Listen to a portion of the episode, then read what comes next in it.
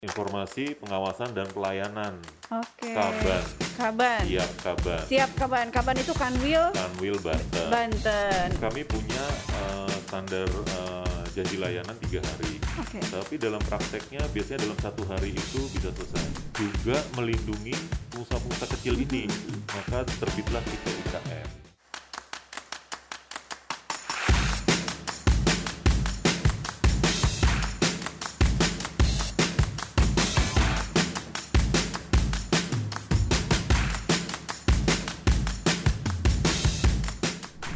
Assalamualaikum warahmatullahi wabarakatuh. Kawan pajak kembali lagi bertemu bersama saya Ida Laila. Kawan pajak ini tengah menyaksikan dan mendengarkan podcast katalog gue Kanwil DJP Banten. Tempat kawan pajak curhat, dialog dan sharing serta mengupas tuntas semua informasi kekinian tentang perpajakan termasuk peraturan-peraturan perpajakan terbaru bersama para pakar perpajakan dari Kanwil DJP Banten, stakeholders, dan para tokoh di Kanwil DJP Banten.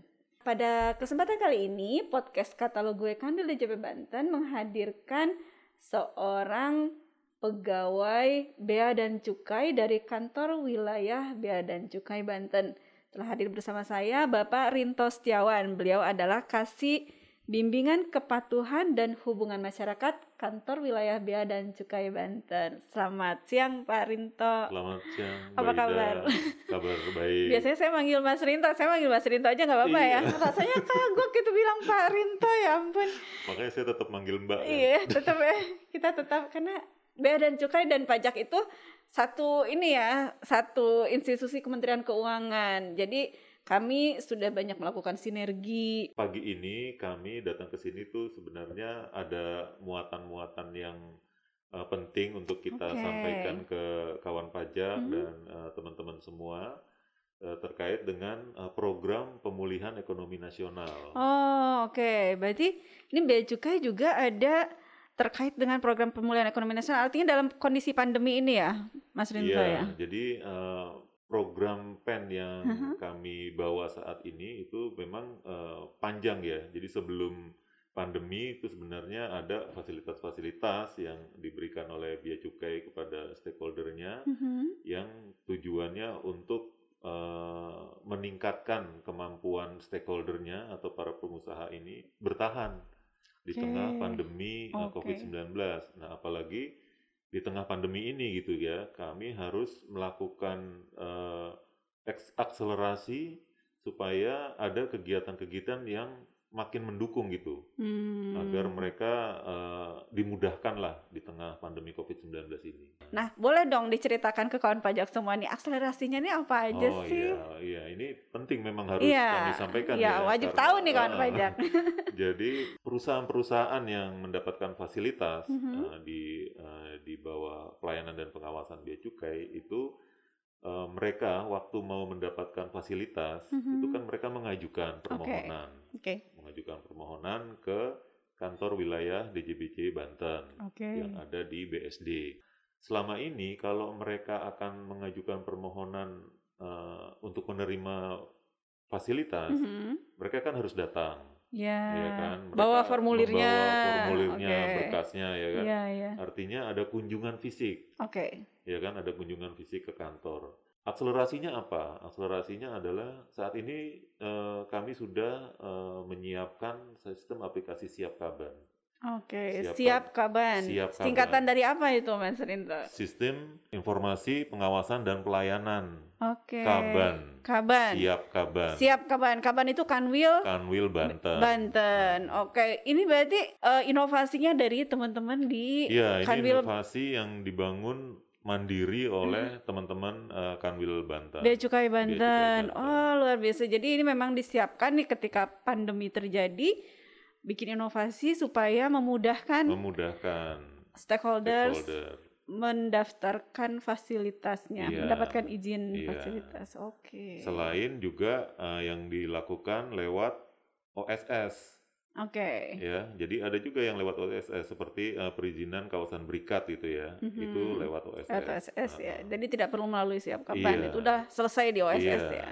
Kami punya eh, standar eh, janji layanan tiga hari. Oke. Tapi dalam prakteknya biasanya dalam satu hari itu bisa selesai. Satu hari selesai. Satu Wah, hari luar biasa. Padahal dulu sebelum ini, sebelum pandemi ini, Sebelum pandemi itu bisa tiga hari lebih dan Tiga janji hari. layanan kami 30 hari sebenarnya. wah luar biasa kawan pajak dari 30 hari dipres jadi tiga hari malah jadi satu hari ya Satu hari, selesai. iya. Wah, berarti nggak susah ya sebetulnya ngajuin Iya. asalkan dokumen-dokumennya sesuai dengan Sesuai, persyaratan dipenuhi lengkap, ya iya. lengkap. Udah pakai online, prosesnya juga online, keputusannya langsung lagi ya. Iya. Wah, luar biasa nih Kanwil Bea Cukai Banten kawan pajak semua. Eh, mungkin boleh juga disampaikan kepada saudara, teman atau siapa pun lah yang ingin mengajukan fasilitas izin dari Kanwil Bea dan Cukai Banten. Semuanya prosesnya gampang banget gitu. Tinggal akses siap kaban aja Iya. dan siapkan semua dokumen-dokumennya Iya. ya. Program PEN sendiri ada program apa lagi nih dari Bea dan Cukai? Industrial assistant. Oke. Industrial assistant. Jadi di Industrial dalamnya- assistant itu apa sih? Ah, industrial assistant itu adalah fungsi Mhm. bea cukai untuk mendorong para pengusaha Mhm. Agar mereka survive terutama di kala pandemi ini ya, Mhm. survive dan mampu ekspor, Oke. ya kan, mampu ekspor. Ada kriterianya nggak sih perusahaan yang seperti apa yang bisa mendapatkan industrial assistant dari Bea dan Cukai? Ya, itu tadi ada hubungannya dengan mereka tuh mau fasilitas apa, Oke. ya kan, Mhm. yang sesuai dengan kebutuhan mereka masing-masing. Fasilitas-fasilitas yang diberikan itu yang pertama adalah tempat penimbunan berikat. Oke. ya tempat penimbunan berikat itu ada beberapa macam tuh nanti saya sebutkan ada empat macam Mhm. lalu yang berikutnya adalah fasilitas kemudahan impor tujuan ekspor Oke. ya nah yang tempat penimbunan berikat Mhm. itu ada empat macam mbak Oke. Dari penimbunan berikat apa aja tuh? yang pertama adalah fasilitas kawasan berikat Oke. Yang kedua fasilitas gudang berikat Oke. yang ketiga fasilitas pusat logistik berikat Oke. ini saya hampir Luar biasa saya ditatap Mbak Ida jadi konsentrasinya hilang. Kata supaya konsentrasi. Pak. nah, terus Kawasan yang berikat, gudang berikat. yang terakhir adalah eh, fasilitas tempat penyelenggaraan pameran berikat. Oh, Oke. Ya. Masuk ke yang satu Kawasan ya, berikat yang ya. kawasan berikat. Mm-mm. Kawasan berikat itu adalah daerah atau kawasan atau eh, bangunan Mhm. ya kan yang di dalamnya dapat dilakukan pengolahan atau penggabungan dari bahan atau barang tempat lain dalam daerah pabean istilahnya Oke. atau maksudnya bukan impor tapi lokal Mm-mm. tempat lain dalam daerah pabean itu istilahnya barang lokal lah Oke. itu bisa digabungkan di Kawasan proses di berikat. kawasan berikat itu Mm-mm. Nah, keuntungannya apa? Keuntungannya adalah untuk barang atau bahan yang dimasukkan dari luar daerah pabean, luar Mhm. Indonesia, Oke. artinya yang diimpor, Mhm. itu ditangguhkan bea Oh, masuk dan oke. pungutan dalam rangka impor lainnya. Itulah yang yang apa yang eh, apa menjadi bargaining power mereka untuk mendapatkan fasilitas kawasan berikat. Tapi tujuan utama dari pengolahan ini adalah untuk ekspor. Harus untuk ekspor ya. Utamanya untuk Utamanya ekspor. untuk ekspor. Nah, tetapi dalam persyaratan kawasan berikat itu dimungkinkan untuk dijual lokal. Hmm. Dijual lokal artinya tidak diekspor. Ya. Nah, itu komposisinya 50% 50%. Oh, oke. Jadi ada ketentuan seperti itu Ah, ya. ah, sudah ada ketentuan seperti itu dan saat ini banyak dimanfaatkan oleh perusahaan-perusahaan yang ada di uh, wilayah Banten ini. Nah, kalau untuk kawasan berikat sendiri 157 perusahaan. Oh, luar biasa banyak juga ya, Pak ya. ya, 157 perusahaan. Nah, balik lagi ke uh, fasilitas ya. Mm-mm. Tadi kan kawasan berikat sudah. yang Fasilitas berikutnya itu fasilitas gudang berikat. oke. Nah, kalau gudang berikat ini lain lagi nih. Gudang berikat ini itu eh, kawasan, Mhm, bangunan Iya. atau wilayah mhm. yang diperuntukkan untuk menimbun barang impor. Oke. Ya, Namanya juga menimbun. gudang ya. Ah, namanya untuk gudang. menimbun. Gampang Oke. banget ngingetnya gitu Iya, ya, gudang untuk nyimpen gitu Iya, ya. iya. Tapi jangan salah, ada juga pekerjaan-pekerjaan kecil yang diperbolehkan di dalamnya. Oh iya, apa Nah, aja tuh yang diperbolehkan? eh, pengepakan, oh. pemberian label gitu ya, pemotongan. Nah, Hmm. pekerjaan-pekerjaan kecil, bukan pekerjaan pengolahan. Mhm. Kalau pengolahan tadi kawasan berikat. Iya. Nah, gudang berikat ini dibentuk itu untuk mensupport kawasan, Kawasan berikat. berikat. Oke. Jadi bahan bakunya supaya sesuai dengan kebutuhan kawasan berikat just in time umpamanya gitu ya. Mhm, mhm. Sementara mereka nggak punya gudang yang cukup, mereka biasanya disupport dari gudang berikat. Ada Oke. kerjasama. Barang yang masuk ke gudang berikat itu sama perlakuannya sama seperti kawasan berikat, ditunda, Ditangguhkan itu ya. ditangguhkan pembayaran biaya masuknya, ya kan? Ini jadi sifatnya supporting kepada uh, Kawasan kawasan berikat, berikat, untuk oke. gudang berikat. Oke. Nah, tetapi barang-barang yang ditimbun di dalam gudang berikat itu ada ketentuannya, nggak boleh lewat dari satu tahun. Oh, kalau lewat satu tahun apa? Ya itu ada perlakuan sesuai Nggak dapat lagi Iya, fasilitas nanti harus itu. dibayar, heeh, Oh, biaya masuknya gitu kan, dan harus direekspor atau dibayar biaya masuknya. Itu gudang berikat. Gudang berikat. Nah, Oke. Lalu berikutnya masuk ke pusat logistik berikat. Nah, Hmm. pusat logistik berikat ini mirip-mirip nih dengan gudang berikat. Iya ya, namanya Heeh. pusat logistik ya. Nah, bedanya apa? Bedanya kalau di pusat logistik berikat boleh ditimbun barang asal tempat lain dalam daerah pabean atau bukan barang impor. Oh, oke. Jadi dia juga menimbun Lokal ya, barang lokal eh, juga barang boleh di lokal situ. bisa ditimbun di situ. Lalu barang impor Oh, juga, juga bisa di ditimbun di situ. Mhm. Tujuannya untuk mensupport industri juga, Oke. tapi bisa juga untuk ditujukan untuk industri lokal. Ini PLB bedanya. Nah, kalau tadi Oke. gudang berikat itu boleh ditimbun barang hanya sampai satu, Satu tahun, tahun. Kalau di di PLB, tiga tahun. Oh, lebih lama ya. Lebih lama. Oh. PLB ini dalam pengembangannya ini sekarang terus berkembang nih Mbak. Mhm. Jadi pimpinan kami eh, terus menggali eh, apa eh, pemetaan kebutuhan pasar gitu ya. Itu terus berkembang. Jadi PLB itu ada PLB yang sifatnya barang retail, Mhm. ya kan? Ada yang sifatnya barang konsumsi. Lalu ada PLB yang khusus untuk barang-barang penelitian. Oh, Oke. Nah, jadi makin berkembang nih, makin berkembang. Makanya salah satu ada kerjasama dengan eh, Puspitek ya, Oke. Puspitek Tangerang. Tangerang itu itu. mereka saat ini sedang menjajaki untuk membangun PLB. Oke. Jadi nantinya importir-importir yang berkaitan dengan penelitian dan pengembangan mhm. mungkin akan dikoordinasikan oleh Puspitek ini Oh. dalam PLB yang dibangun oleh Puspitek. Oke, dan mendapat fasilitas Nah, tapi ini masih dalam penjajakan ya. Jadi eh, kami masih eh, menerima kunjungan Puspitek untuk koordinasi terus-menerus Mhm, gitu mhm, kan. mhm. Itu eh, perbedaannya PLB dengan Gudang dengan gudang berikat. Itu untuk yang PLB. PLB, oke. Nah, sekarang kita masuk ke yang terakhir, Terakhir. tempat penyelenggaraan pameran berikat. Oh, ada Nah. juga tempat penyelenggaraan pamerannya. Nah, ada. Jadi kan gini, Mbak. fasilitas. Seringkali pameran-pameran itu dilakukan di Indonesia, barangnya kan belum tentu dibeli nih. Iya betul. Nah, jadi mereka butuh gak usah bayar dulu biaya masuk gitu kan. Hmm. Toh nanti dikirim pulang kok gitu kan. Kalau misalnya nggak terjual, Nah, kalau nggak terjual gitu mm, kan, iya. toh nanti dikirim pulang gitu Iya, kan. iya, iya. Nah, itu juga kaitannya sama dukungan dengan industri tuh. betul betul. Iya kan? Iya. Jadi kan industri kita ingin tahu, contohnya mesin eh, jahit gitu ya, Mhm, mesin jahit eh, untuk pembuatan eh, garment gitu kan. mhm.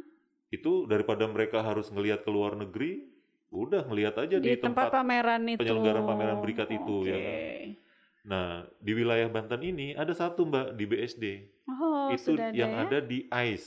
Nama PT-nya Iya, iya. Indonesian International Expo. Oke. Ya, Iya, yang ada iya. di ICE itu. Jadi Iya, iya. ICE itu punya fasilitas eh, dari bea cukai itu. Oh, ICE oke. Convention Center Iya, itu iya. kan sering ada Iya pameran iya di situ suka ya. ada pameran. Nah, itu Jadi di situ barang yang ditampilkan di situ belum Belum belum, wajib bayar bea eh, bea masuknya ditangguhkan, iya. masuknya Kecuali nanti ditangguhkan. sudah terjual Nah, baru itu dibayar. proses pembayaran bea Heeh. masuk. Jadi pada saat pameran itu kemungkinan kan ada yang juga yang mau beli ya. Nah, Iya. itu bisa. Jadi mereka langsung mengajukan dokumen untuk uh, pengeluaran bayar barang ya. Hmm. Nah, di situlah baru mereka bayar Sementara masuk. yang tidak terjual dan kemudian dibawa kembali Iya. ke negaranya Itu tetap tidak bayar biaya masuk. oh, Oke. Gitu ya ya, itu Mbak. sangat sangat bantu sekali Iya, ya sangat buat membantu sekali pengusaha. ya. Ada kos yang tidak perlu dikeluarkan Iya. gitu kalau memang tidak terjual. Iya, artinya pemerintah hadir kepanjang tanganan pengusaha gitu Oke, kan, iya. supaya pengusaha itu nggak perlu keluar negeri, Iya, ya betul kan. betul. Tinggal eh, si pemilik barang ini juga butuh pasar kan, Iya. dia lihat oh eh, marketnya ada nih di Indonesia gitu kan, ya udah mereka dia cuma keluar pameran. hanya untuk yang memang terjual ya Iya, di pameran terjual. itu ya. Sementara yang tidak mereka tidak perlu keluar Iya. kos itu. Itu luar biasa loh. Iya, Tadi kita siap. sudah bicara tentang kawasan berikat, pusat logistik berikat, gudang berikat, dan tempat pameran itu ya. Di- Nah selanjutnya ya fasilitas ini apa lagi nih? Nah, ada diberikan. fasilitas yang berikutnya itu Mhm. fasilitas KITE namanya. Kite. Heeh. KITE itu singkatan. Mhm. KITE itu kemudahan impor tujuan ekspor. Oke, jadi pengusaha-pengusaha yang akan melakukan impor barang, tapi khusus Untuk ditujukan ekspor. ekspor. Oke, dapat fasilitas. Ya, Ah, dapat fasilitas. Jadi Seperti apa nih? ini khusus ekspor ya berarti ya. Beda dengan yang tadi, dengan yang kawasan berikat, Iya. lalu eh, gudang berikat, Mhm. PLB, TPPB Mhm. atau pameran itu Iya. beda. Kalau kita ini memang khusus untuk ekspor. Nah, jenisnya itu ada tiga. Oke, apa Yang aja? pertama adalah kite pengembalian, lalu kite pembebasan, Mhm. dan berikutnya kite IKM. Oh, ada IKM-nya Ada ini juga sekarang. IKM, ini Oke. terobosan Ini baru, menarik ya nih kan? kawan pajak, mulai ada IKM-nya nih. Iya. gimana gimana Jadi- tuh? Yang kita pengembalian tuh Ah, apa? kite pengembalian. Jadi kalau kite pengembalian itu adalah eh, perusahaan-perusahaan barang-barang atau bahan bakunya diimpor, Mhm. ya, diolah Oke. di perusahaan tersebut, tapi tujuannya untuk ekspor. Oke. Nah, pengertian dari pengembalian Mm-mm. adalah jadi sebelumnya mereka itu waktu masuk barangnya itu sudah bayar Oh. Bea masuknya. Bea masuk sudah dibayar dan nih. pungutan dalam Oke. rangka impornya, Iya iya iya. ya iya. kan sudah bayar. Jadi itu kan pilihan ya. Mhm. Mereka eh, lebih nyaman gitu ya kan. Mhm. Mereka pilih itu ya kan. Jadi pada saat barang-barang itu masuk itu mereka sudah bayar. Langsung dilunasi ya pembayaran bea Iya, masuknya. jadi pada ya. saat pengurusannya di pelabuhan bongkar, istilahnya Mhm, pelabuhan mhm. bongkar itu di Priuk Ya. atau di Soekarno Hatta, ya Mhm. kan, itu mereka langsung lunasi tuh Oke. bea masuk dan pungutan dalam rangka impornya. Nah, barangnya terus diproses Oke. ya di perusahaan. Setelah diproses, hasilnya diekspor. Diekspor. Nah, Oke. pada saat diekspor itu mereka selesai ekspor, bukti ekspor itu dijadikan alat untuk Meminta melakukan pengembalian. permintaan pengembalian. Oke, berarti terhadap bea uang yang masuk. kemarin sudah dibayarkan minta dikembalikan dong. Ini kan jadi Iya. diekspor gitu ya. Heeh. Oke. itu ya Mbak ya. Oke, pengembalian. Kita pengembalian Oke. ya kan. Lalu di sini contohnya adalah eh, PT Gajah Tunggal. Gajah Tunggal itu yang produsen ban ya? Ban. Ah, oke. Nah, betul sekali. Jadi eh, Gajah Tunggal itu impor eh, natural rubber ya Oke. kan, lalu eh, synthetic rubber, Mhm. lalu carbon black untuk Oke. pewarnanya Iya, ya, pewarna. hitam dan tire cord. Hmm. Nah, itu waktu masuknya mereka sudah bayar tuh, Oke. ya kan? Nah, begitu barang itu diproses, Mhm.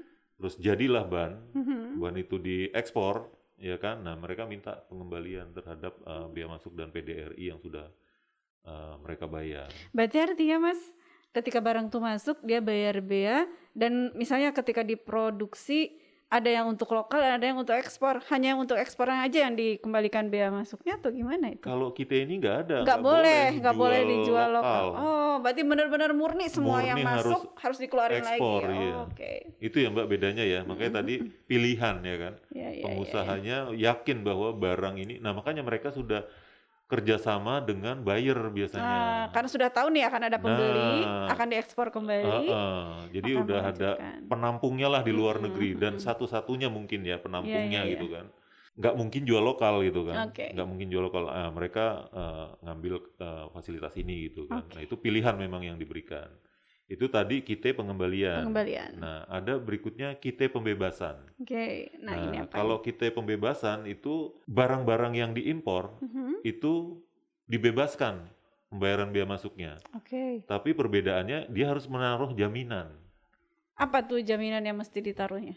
jaminan uang Mhm. ya sebesar bea masuk dan PDRI Oh, untuk barang-barang. Jadi nanti ada master listnya tuh. Ya ya ya ya. kan ya. ada list barang-barang yang Mm-mm. akan diimpor seperti apa, ada harganya ya kan. Nah, nanti bea masuknya berapa, PDRI-nya berapa, itu mereka harus jaminkan dulu Harus gitu kan. simpan. Iya. Oke. Nah, barangnya diproduksi, dirakit, Mhm. terus diekspor, Oh. ya kan? Udah Ketika jelas. diekspor, Ya uangnya nggak ada, nggak ada nggak ada pengembalian, nggak pembayaran, nggak ada ya apa, kan? Tapi uangnya nanti jadi. mereka bisa minta pencairan jaminan. Oh, Oke, Iya kan? modelnya seperti itu ya. Iya, Yang tapi- tadi pengembalian karena dibayar duluan, kalau Iya. yang ini tanpa proses pengembalian, Iya. tapi tetap harus menyimpan jaminan. Iya, jadi negara uh, punya resiko yang harus di, dipikirkan kan. Mhm, Nah, mhm, itu mhm. resikonya untuk menjaga resiko itu. Oh iya iya iya. Yang terakhir kita IKM. Nah IKM nih kawan pajak semua, IKM nih apa nih buat buat IKM itu apa? sih? Ah, jadi kalau kita IKM itu adalah uh, fasilitas pemberian insentif fiskal Oke. terhadap perusahaan-perusahaan industri kecil menengah, namanya juga Ah, IKM, kan, IKM ya, kan industri kecil menengah.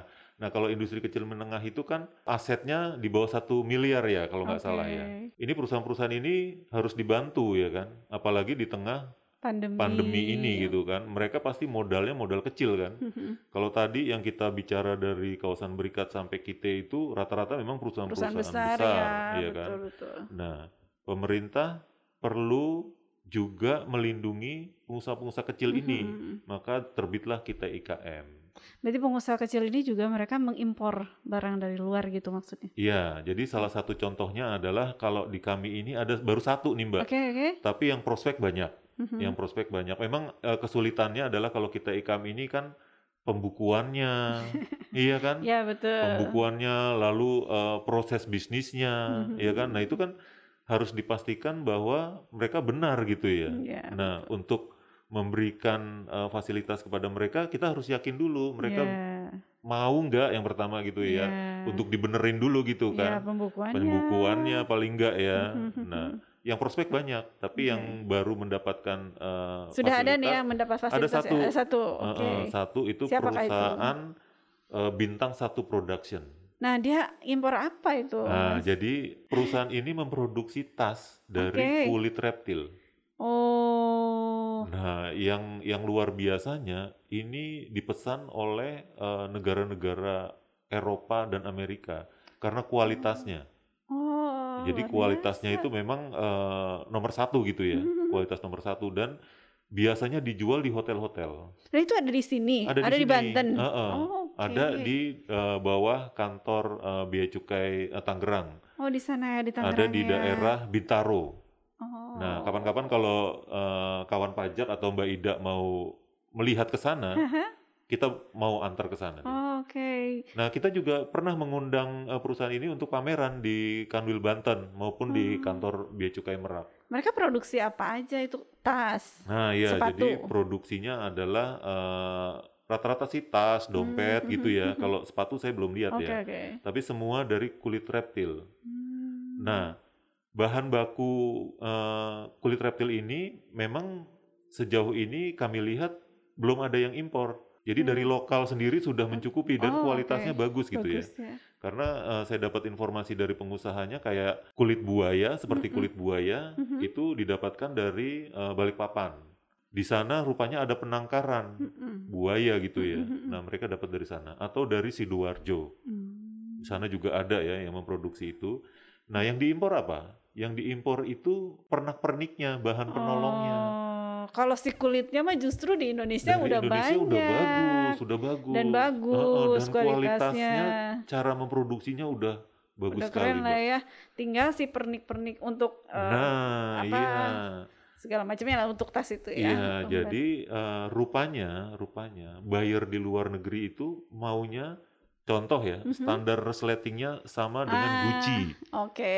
ya kan? Kualitasnya bagus sekali, Mbak. Nah, Iya, itulah iya, yang iya, menyebabkan eh, naik nih, naik apa namanya? eh, naik kualitasnya, Iya. terangkat gitu ya. Iya, Karena iya. kalau dijual di luar negeri, mereka tahu tuh kalau zippernya itu Ah. adalah zipper, oh ini sama dengan Gucci nih, Iya, iya. iya kan? Betul, betul. Lalu eh, manik-maniknya umpamanya ya. Mm-mm. Lalu bagian dalamnya Iya. ada list-listnya gitu Iya, kan. iya. Nah itu semua diimpor. Oh, berarti di murni Indonesianya itu lokalnya itu hanya untuk kulitnya Bahan saja, bakunya. bahan baku kulitnya. Ah, Sementara untuk bisa jadikan itu menjadi sebuah tas misalnya atau dompet, kan ada pernak-perniknya itu yang Nah, semuanya di, diimpor. diimpor. Oke. termasuk lem, Mbak.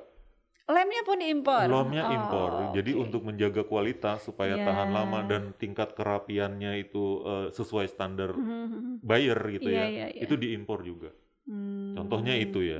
Eh, Direktorat Jenderal Pajak juga ada program juga tuh, Nah. Mas Rinto, ada program Business Development Services. Nah, Nah, itu pun juga eh, mengundang teman-teman UKM ya, nah, IMKM, iya iya iya. I- UMKM kalau kita sebut atau UMKM. IKM lah Ah, sama ah, aja, Iya. juga untuk pameran, memasarkan produknya ya. Nah, terima kasih banyak Mas Rinto atas Sama-sama, waktunya, Mbak atas ilmunya, sharing Sama-sama, segala macam mulai dari peraturan segala macam ini luar biasa nih. iya, iya. Eh, kehadiran Mas Rinto hari ini membuka wawasan saya Iya. khususnya dan juga kawan pajak semua Iya. mengenai apa itu bea cukai sampai fasilitas-fasilitas apa yang diberikan oleh bea cukai berbagai kemudahan. Untuk eh, kepentingan masyarakat ya. Iya. Demikian eh, kawan pajak semua, terima kasih sudah mendengarkan episode katalog gue pada hari ini. Kita ketemu lagi di episode berikutnya.